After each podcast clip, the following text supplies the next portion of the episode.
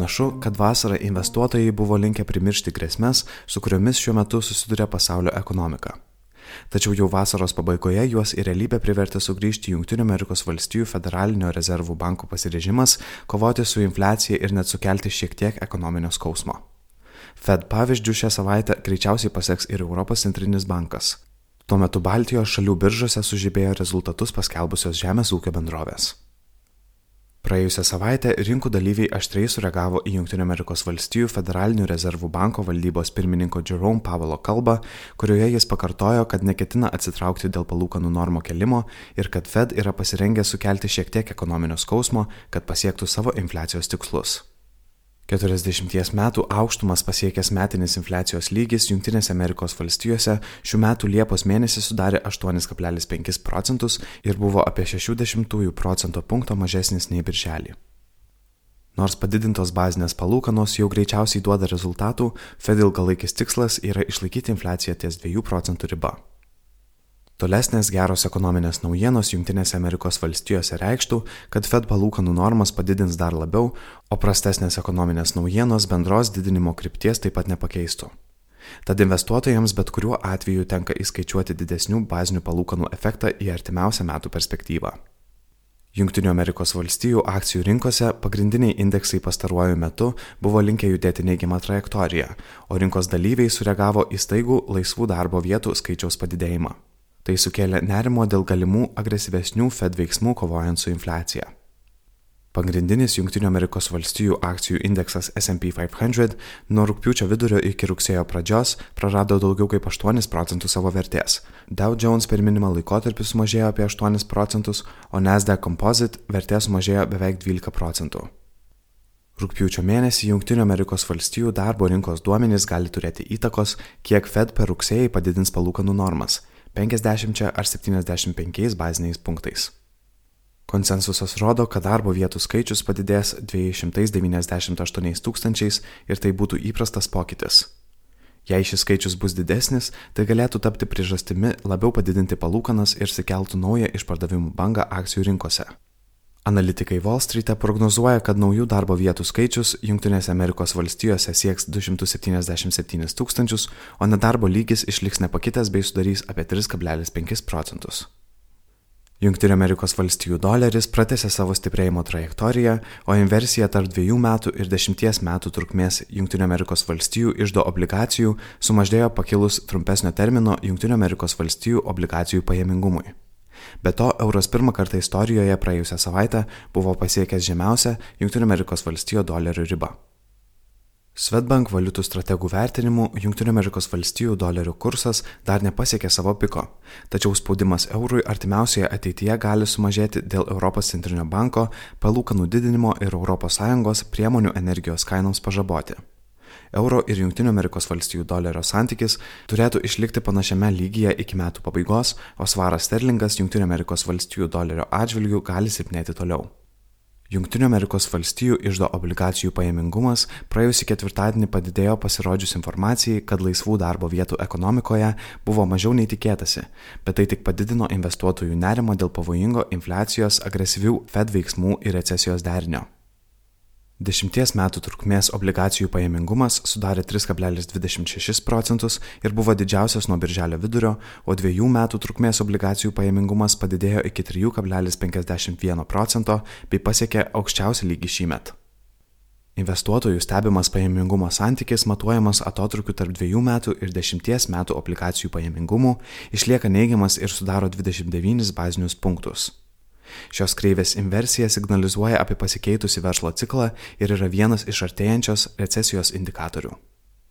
Europos akcijų rinkose akcijų kainos smuktelėjo žemyn, nuogastaujant dėl aukštesnių palūkanų normų, energetikos krizės ir grėsiančios recesijos. Visos Europos indeksas Stox 600 nuo rūpiučio mėnesio vidurio sumažėjo 6 procentais, Vokietijos DAX buvo smuktelėjęs 6,5 procento. Remiantis ekonomistų apklausą, Europos centrinis bankas turės būti agresyvesnis kovojant su infliacija nei manyta anksčiau. Du trečdaliai respondentų teigia, kad Europos centrinis bankas iki šiol veikia per lietai ir turės padidinti banko bazinę palūkanų normą iki 1,25 procento.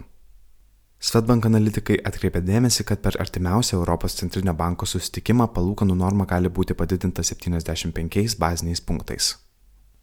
Azijos rinkose akcijų kainos praėjusią savaitę bandė atsigauti po ankstesnių didelių sviravimų, nors dauguma pagrindinių rinkų vis dar buvo neigiamoje teritorijoje.